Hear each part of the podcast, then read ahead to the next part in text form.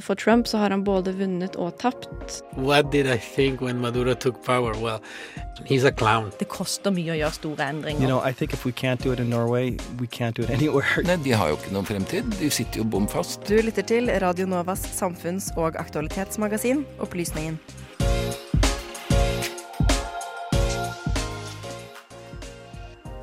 I 2017 holdt Tyrkia en folkeavstemning om å gi presidenten mer makt.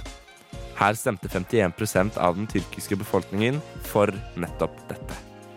Som et resultat av dette ble, ble statsministerposten i Tyrkia fjernet, og presidenten fikk nå lov til å være partileder for sitt eget parti. Men hvorfor ville Tyrkias president Erdogan dette? Hvem er han egentlig? Og spørsmålet vi alle stiller oss, er Erdogan autoritær? Dette har vi forsøkt å få svar på.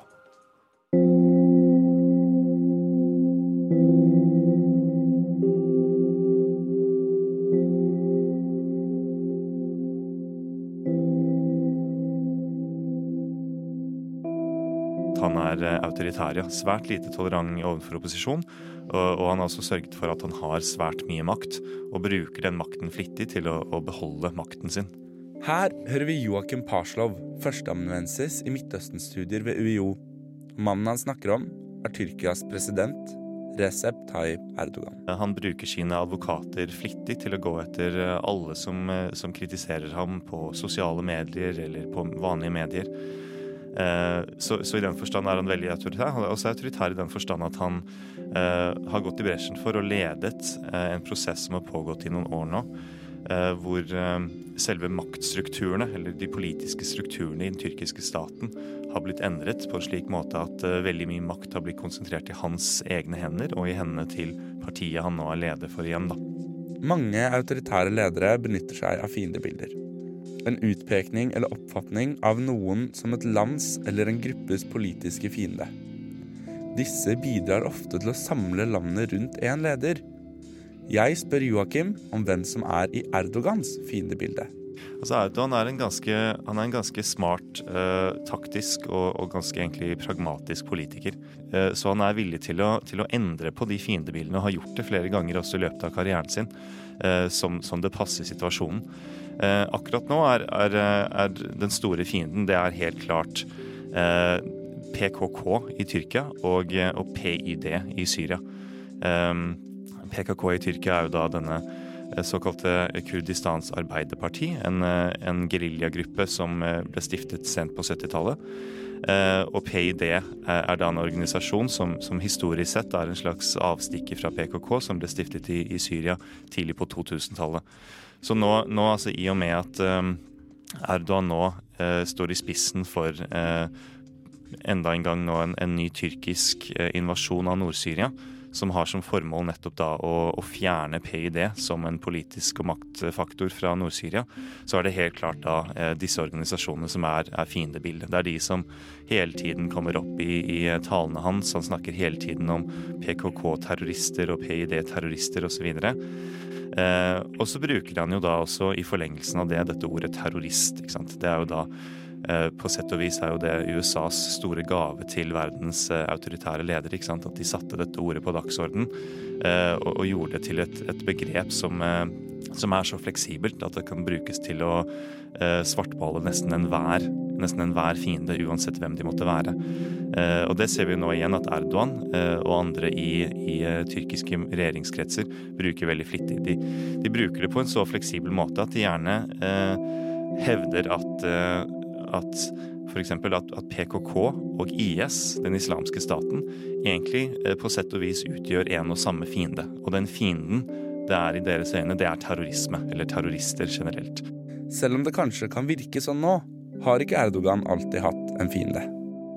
Da han kom til makten på 2000-tallet, så, så, var han i begynnelsen ikke så veldig opptatt av å snakke om fiender. Da var han mest opptatt av å på en måte tale i EUs språk, for han ville få i stand eh, medlemskapsforhandlinger med EU. Så da var han mest opptatt av å, snakke positivt om demokrati, rettigheter, friheter, sivilt samfunn osv. Eh, litt senere, sånn fra 2005-2008, seks, sju, åtte utover, så ble han veldig opptatt av, av det tyrkiske militæret. Altså de, særlig disse, disse, litt sånn harde sekularistiske kretsene i det tyrkiske militæret. Um, som, som, på sett og vis uh, hadde kan man si, litt autoritære inklinasjoner selv. Ikke sant? De var jo de som hadde eh, satt i gang kupp osv. tidligere. Det var jo bl.a. de som også hadde gått i bresjen for dette såkalte postmoderne kuppet i 1997. Eh, da var han mest opptatt av, av, dem, fordi han så på dem som antidemokratiske og selvfølgelig også anti, antimuslimske eller anti-islamistiske krefter. Mange omtaler Erdogan som den mektigste tyrkiske lederen siden Atatürk. Jeg spør Joakim om dette stemmer, og hvem Atatürk er. Ja, eh, det stemmer nok det, at han er Tyrkias mektigste leder siden Atatürk. Eh, Atatürk var jo da Atatürk var en, en, i utgangspunktet en, general. en general. Han, var, han, var, en ganske vellykket militær leder som hadde ledet osmanske styrker under flere kriger, bl.a. under første verdenskrig. Atatürk ble da, eller Mustafa Kemal som han het da, ble da erklært presidenten, førstepresidenten av den nye republikken Tyrkia og han forble presidenten frem til han døde i 1938. Og den republikken han ledet mens han levde, det var i teorien eh, en demokratisk republikk, i hvert fall på papiret. Grunnloven sa at det var et, et demokrati. Og man, man, holdt jo da også valg, men i, i praksis så var det eh, en ganske strengt kontrollert ettpartistat. Eh, det var hans parti som kontrollerte alt. Han ledet både eh, sitt parti og stat. Så ja, man kan si at, at eh, Mustafa Kemal, eh, som da fikk, fikk, navnet Atatürk i 1934 av det tyrkiske parlamentet, han var en, en leder som på sett og vis hadde så å si all makt i sine hender. Det var han som bestemte så lenge han levde. Og han var, i hvert fall mot slutten av sin karriere, også, også ganske autoritær. Han var det også. Jeg spør Joakim om hva som kan bli fremtiden til Erdogan i Tyrkia. Han er redd for å spå Tyrkias fremtid, men trekker bl.a. fram at selv om Erdogans parti AKP tapte forrige valg på nasjonal basis, har partiet hans mistet kontrollen over Istanbul, noe Joakim mener skaper et spørsmål om Erdogans fremtidige støtte. Et annet spørsmål man kan stille seg, er om det faktum at eh, Erdogan mistet eh, makten i Istanbul, egentlig er en indikasjon på noe.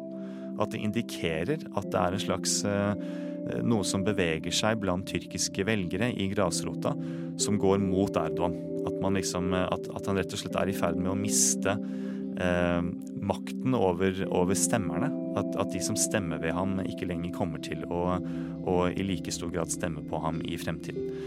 Det, det vil være noe å, å, å holde et øye på i fremtiden, tror jeg. Så er da spørsmålet om han kommer til å, å gjøre ting for å sørge for at han, eh, han, får nok stemmer da, ved neste valg, som først er om, om eh, noen år. Vil han eh, fengsle enda flere journalister? Vil han fengsle enda flere opposisjonspolitikere? Vil han finne på nye trekk for å gjøre seg selv mer populær igjen? Det er jo mange som mener at denne siste invasjonen av Nord-Syria er nettopp et sånt trekk, fordi det er veldig mange i Tyrkia som støtter opp under det, også blant opposisjonen. Eh, så det, det, er de store spørsmålene man nå må stille seg fremover. Utover det så, så vet jeg ikke om jeg skal spå så veldig mye. Joakim Parslow, teşekkür Derim, som jeg lærte at det heter på tyrkisk. Ja. Eh, for at du tok deg tid til å sette deg ned her med meg og snakke litt om Tyrkia.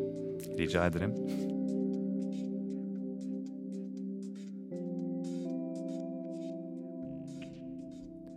Vi ønsker bare å komme med en kjapp presisering. Joakim Perslov snakker om at Erdogan har tapt valget i Tyrkia og vunnet valget i Tyrkia. Det Joakim her mener, er selvfølgelig at Erdogan har tapt valget i Istanbul, men vunnet valget i Tyrkia på nasjonal basis ved forrige lokalvalg. Reporter i denne saken var Sander Zakaria.